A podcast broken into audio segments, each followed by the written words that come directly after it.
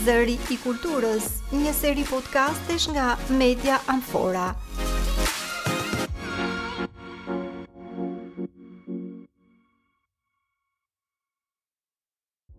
Ej, përshëndetje të dashur dëgjues të podcasteve Zëri i Kulturës. Në këtë seri të radhës jemi zhvendosur në Laç. Këtu ku shumë aktivistë energjikë, ata të Qendrës Rinore Sebastia, janë duke zhvilluar prej pak vitesh një betejë për mbrojtjen e një monumenti kulture të kategorisë së parë dhe duhet thënë që janë për t'u marrë shembull.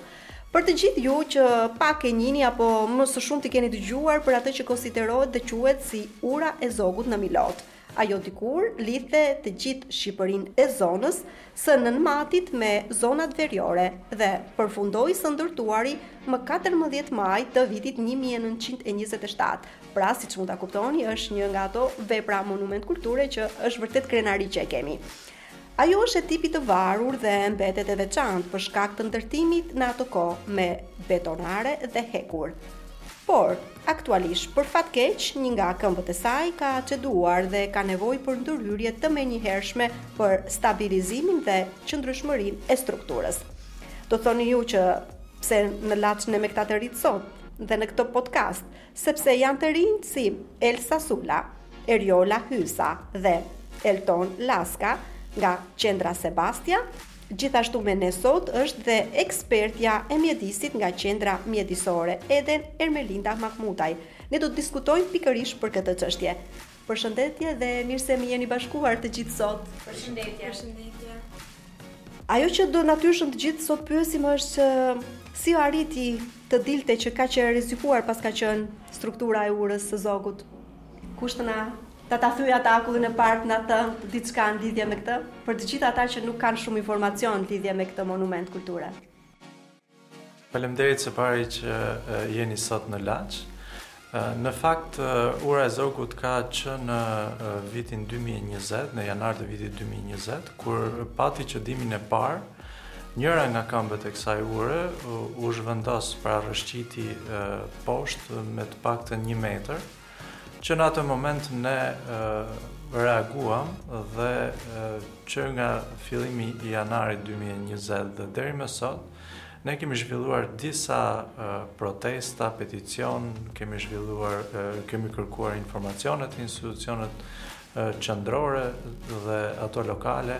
dhe në fakt përveç një angazhimi shumë intensiv nga qendra rinore Sebastia dhe një reagimi shumë të madh nga mediat qendrore dhe qytetarë të ndryshëm të angazhuar të këtij vendi, nuk kemi pasur ndonjë reagim nga institucionet shtetërore dhe për këtë ne nuk jemi shumë të lumtur, por në fakt për sa i përket këtij monumenti të kulturës, Të gjithë e kanë evidentuar tashmë dhe është bërë publike problematika e saj dhe rreziku që asaj i kanoset që me shumë gjasa mund edhe të shëmbet së shpejti.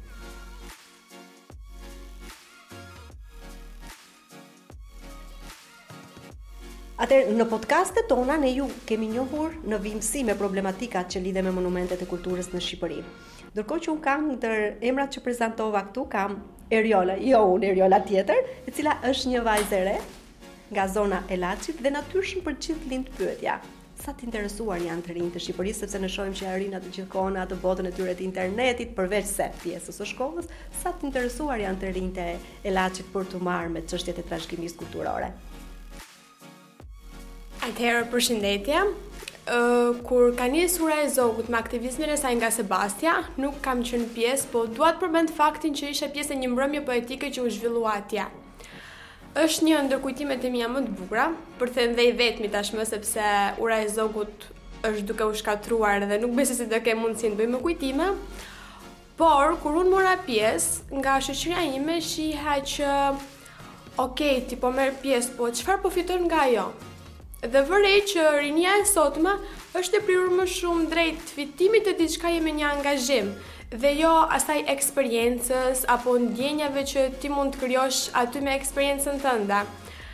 Po ashtu edhe mbaj mend që është bërë regjistrim dhe videot nisën të bëheshin virale dhe në TikTok dhe shoh që shpesh m'i dërgonin dhe ajo që nënvizonin ishin komentet jo shumë të mira duke thënë që ti shkove atje po shiko çfarë komentesh po merr. Ndërkohë shihja këtë anën pozitive që aty krijova një kujtim shumë të bukur, Dhe koha që kalova ishte më produktive se ç'mund ta kisha kaluar diku tjetër. Kjo është vërtet për për për, për t'u falënderuar, dua të them, sepse një kauzë kaq e madhe ka mbërritur deri tek të rinjtë. Nga ana tjetër, doja të të pyesja Elsën që si janë gjendur të rinjtë e qendrës Sebastia përballë kësaj kauze, sa e kanë mbështetur ata, sa ju kanë ndihmuar që ju të ecni përpara për këtë çështje kaq të rëndësishme. Atëherë, tek të rinjtë kam qejf të futem edhe unë, sepse e kam nisur përvojën time me organizatën duke qenë një e re që iu bashkova për të, për të promovuar në fakt Urën e Zogut dhe më pas për të vazhduar në të gjitha protesta që janë realizuar. Kam parë që të rinjtë na janë bashkuar kryesisht në dy protesta, që dua ta theksoj ka qenë ajo e shkurtit të vitit 2021 dhe Ajo e shtatorit të dy mijë e njëzet e njëshit në një hark kohor shumë të shkurtër dhe të rinjtë na janë bashkuar me idetë për për pankartat, për të qenë fizikisht dhe madje duke e lidhur dhe për ta sjellë ndoshta edhe në në disi moderne për të gjetur gjetje për pankarta ose se si ne mund të binim në sy me aktivizmin tonë për të protestuar, për të kërkuar llogari në fund të ditës dhe për t'iu drejtuar institucioneve. qoftë në protesta, qoftë me nënshkrimin e qoftë me nënshkrimin e peticionit, sepse ne e kemi nisur me një peticion të drejtuar institucioneve, qoftë Ministrisë së Kulturës, institucionit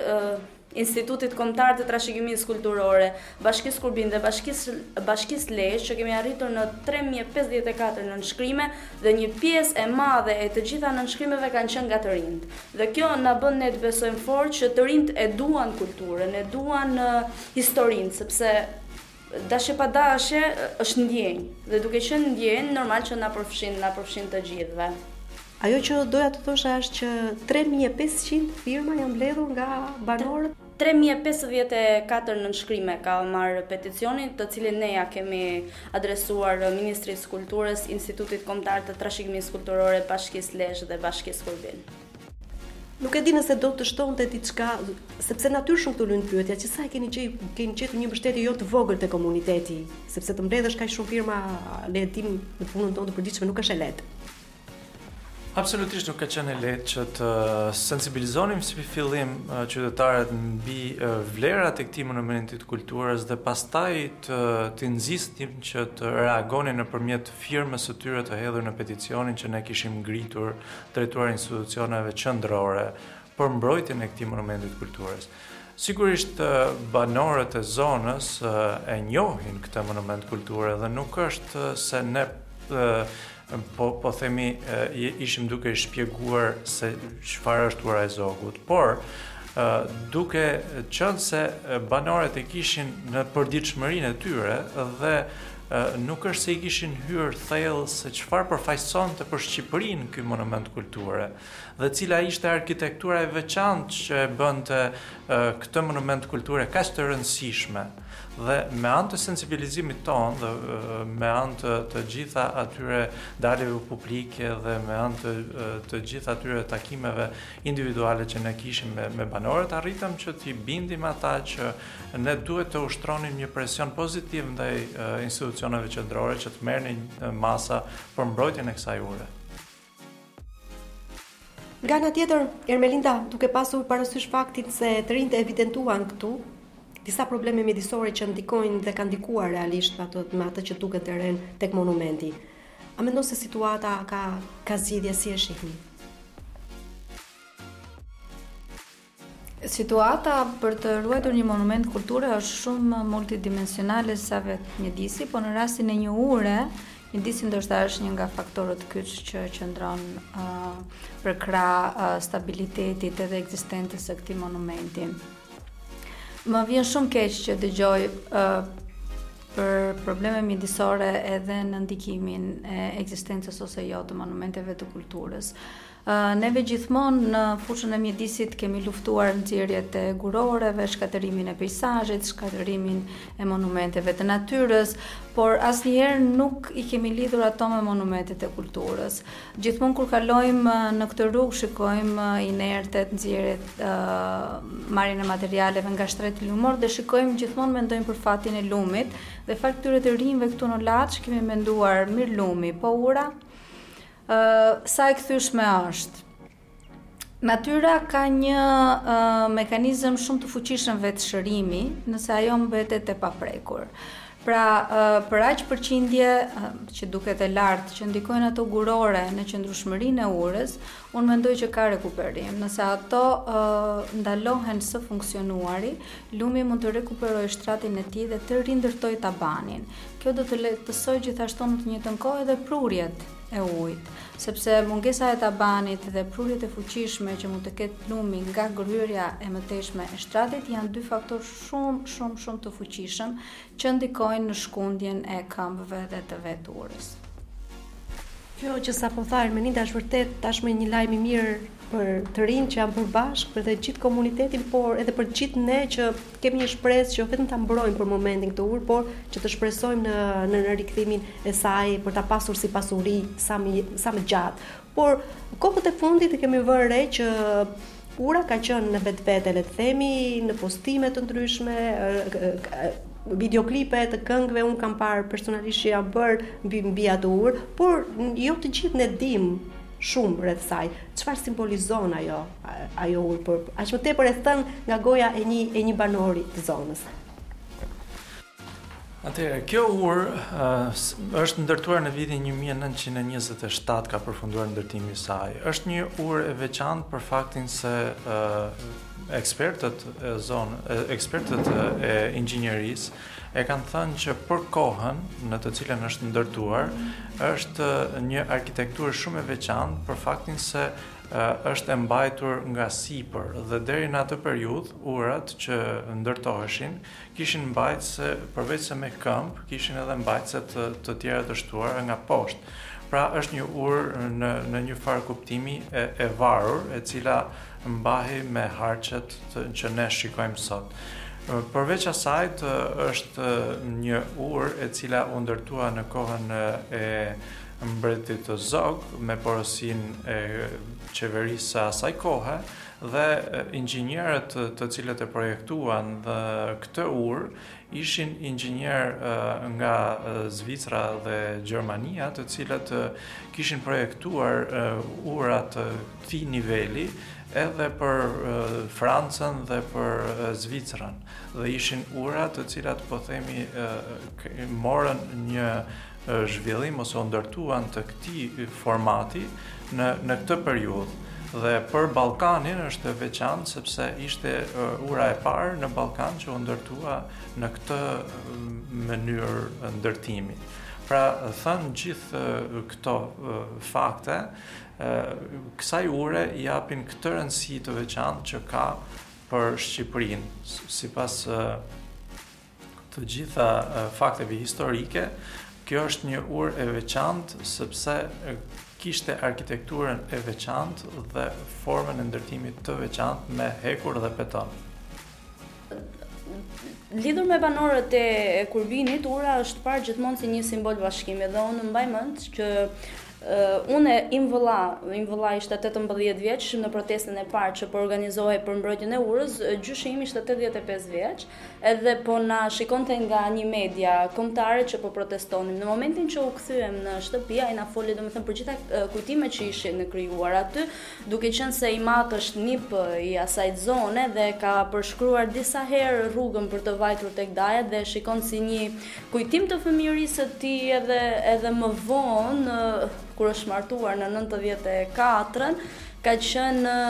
Vendi ku kanë bërë ato fotot e para dhe u bë si një lloj bisede në familjen tonë ndër tre breza, që ishte gjyshi që kishte krijuar ato kujtimet e tij të mëparshme, ishte babi, ishim unë e vëllai që diskutonim në fakt një lloj rrjedhje të historisë edhe se si kishin vijuar ngjarjet ose se si kishte vijuar jeta e urës, nëse mund ta them kështu, që nga kulmi i shkëlqimit të saj deri tek rrënimi i saj që pësoi kohët e fundit. Është fantastike, me të vërtetë fantastike, të dashur miq të podcasteve tona. Unë ju rikujtoj që në podcastin e kaluar ne kemi folur për pasaportat e familjeve të vjetra të Durrësit dhe nga ana tjetër kemi në një pjesë krejtësisht ndryshe me të rinj të tjerë këtu në Laç për të folur për një monument kulture dhe në momentin që në Shqipërinë tonë Themi të vogël ka kaq shumë probleme të mëdha ku ku të gjithë rendin drejt politikës dhe nga ana tjetër kur gjithë bota tjetër është e fokusuar tek spektaklet e ndryshme, ka të rinj e njerëz punëtorë që fokusohen tek problemet reale të Shqipërisë sot në qytete të ndryshme dhe rasti jemi ne sot këtu ku një organizatë mjedisore është bashkuar me një organizatë tjetër që fokus ka monumentet e kulturës dhe si është lidhja do të thoni ju. Zbulojeni. gjej rastin të theksoj se Media Amfora dhe Qendra Eden janë fokusuar tek monumenti i kulturës Ura e Zogut, jo vetëm për të evidentuar përgjegjësitë për dëmtimin e saj dhe situatën në terren, por dhe për të sjellë zgjidhje konkrete mjedisore dhe teknike. Qëndroni entuziastë për publikimin e thelluar që ne do të sjellim së shpejti, fokusuar tek gazetaria e zgjidhjeve dhe masave konkrete që duhen ndërmarrë për shpëtimin e këtij monumenti. Ermelinda, a duhet që autoritetet të ndërhyjnë menjëherë me masa konkrete dhe mos të ngelemi vetëm në evidentimin e problemeve, se duket sikur ne shqiptarët e kjo pjesa për të thënë që ku është problemi jemi goxha të mirë dhe të fortë, por kur është momenti për të marrë vendime, për të nisur aksione konkrete, çfarë mund të themi? A sigurisht që po, unë do thoja madje që janë edhe të vonuar, duke konsideruar që të rinjtë këtu tregojnë për një fushatë disavjeçare dhe jo e ngritur si çështje së fundmi. Një çështje e ngritur në mediat kombëtare, një çështje e adresuar përmes letrave zyrtare, institucioneve tona, përpjekjeve të shumta për të komunikuar, mbrëmjeve artistike me komunitetin për ta shpëtuar këtë urë monument kulture. Dhe asnjë reagim serioz në institucionet, është për të ardhur keq. Por ka dhe lajme të mira, sepse nisma të mëdha kur bëhen me pasion, me punë të përkushtuar, rezultatet mund të vonojnë, them unë, por në fund mund të arrijnë. Falë aktivizimit tuaj, ura e Zogut, si monument kulture shumë i rrezikuar, u shpall nga organizata Europa Nostra, një nga shtatë monumentet më të rrezikuara për vitin dy mijë e njëzet e dy. Si ishte rrugëtimi deri në këtë arritje, sepse e dimë që jo, është një ndër shtatë monumente dhe sa të tilla mund të ketë? Në fillim ne bëmë aplikimin duke u anëtarësuar njëri nga njëri nga anëtarët e Sebastias, u anëtarësua tek organizata Europa Nostra, e cila kishte për kusht në mënyrë që të nominohej një nga monumentet që ne po kërkonim të nominonim siç ishte Ura e Zogut. Në fakt ishte Fondacioni Gjirokastra, e cila na ka ndihmuar që të bënim anëtarësimin tonë tek Europa Nostra si një organizatë e cila pastaj do të mund të pranonte nominimin tonë të Urës së Zogut. Ishte pastaj vetë Europa Nostra e cila e vlerësoi fillimisht si një nga 12 monumentet e kulturës në Europë, e cila ishte e rrezikuar, por pastaj menjëherë e kaluan edhe tek 7 më të rrezikuarat në Europë. Dhe kjo të thotë që përveçse ishte ndjeshmëria e tyre, Ishte edhe një vlerësim për nga ana e potencialit dhe rëndësisë së veçantë që kishte dhe ka kjo urë, jo vetëm tashmë për Shqipërinë, por edhe për një organizatë kaq të madhe, e cila është e fokusuar tek monumentet e kulturës në gjithë Europën. Rrugëtimi ynë filloi në këtë mënyrë dhe tashmë ne jemi në fazën kur inxhinierë të caktuar nga organizata Europa Nostra kanë kërkuar që në tetor dhe nëntor të, të vitit 2022 për të ardhur dhe për të bërë një verifikim në terren Për sa i përket dëmit dhe për të bërë një vlerësim dëmit që i është shkaktuar kësaj ure, gjithashtu mbi bazën e atij vlerësimi për të dhënë edhe rekomandimet se si mund të shpëtohet kjo urë. Por sërish ne u gjendëm përpara një neglizhence për të mos thënë një Po themi për të qenë sa më të butë të një mos reagimi nga ana institucioneve, të cilave iu kërkuam zyrtarisht që të na lini një takim në mënyrë që këta inxhinierë të Europa Nostrës të uleshin me autoritetet qendrore të cilat kanë në fakt për detyrë që të merren me trashëgiminë tonë kulturore dhe në fund ditës paguhen me taksat tona. për ta bërë këtë punë, por nuk u gjet koha që të priteshin në zyrat e tyre, besoj të ngrohta dhe jo aq ftohtë sa bën tek ura e Milotit. Dhe mbasi nuk u gjet kjo mundësi, inxhinierët anuluan biletat e tyre që kishin planifikuar dhe ne kemi ridërguar kërkesat me data të caktuara se kur Këto institucione mund të gjejnë kohë në vitin 2023 tashmë. Tashmë priten ekspertët që shteti shqiptar, institucionet nuk ia kanë krijuar mundësinë për të ardhur dhe për të parë situatën në terren. Ajo që ju shihni, çfarë çfarë duket si është situata sot atje? Situata atje vazhdon të lulëzojë për sa i përket kompanive të cilat vazhdojnë të gërmojnë shtratin e lumit të Matit dhe të marrin Të gjitha inertet me potencialet e tyre të stërmëdha, siç janë mbi 20 kompani që e ushtrojnë këtë aktivitet në mënyrë të paligjshme, duhet thënë. Në fakt, ne kemi dijeni që një numër shumë i vogël kompanish kanë leje për ta ushtruar një aktivitet të tillë, por sigurisht jo në këtë periudhë, siç është periudha e dimrit, por në një periudhë tjetër. Janë një kompani shumë e limituar që kanë këto leje përkatëse. Në dijeninë tonë janë 4 kompani, por në fakt janë mbi 40 kompani që e ushtrojnë këtë aktivitet dhe askush nuk i shikon, askush nuk ndërmerr iniciativa për t'i penguar, për t'i ndaluar. Ne e kemi thënë shpesh herë që ndihemi keq kur policia e shtetit penalizon disa qytetarë të cilët po themi shkojnë dhe marrin ndonjë makinë zhavorr aty për të mbyllë ndonjë kanal në në për të mbyllë ndonjë gropë në rrugët e tyre, por nuk janë ato që ia shkaktojnë dëmin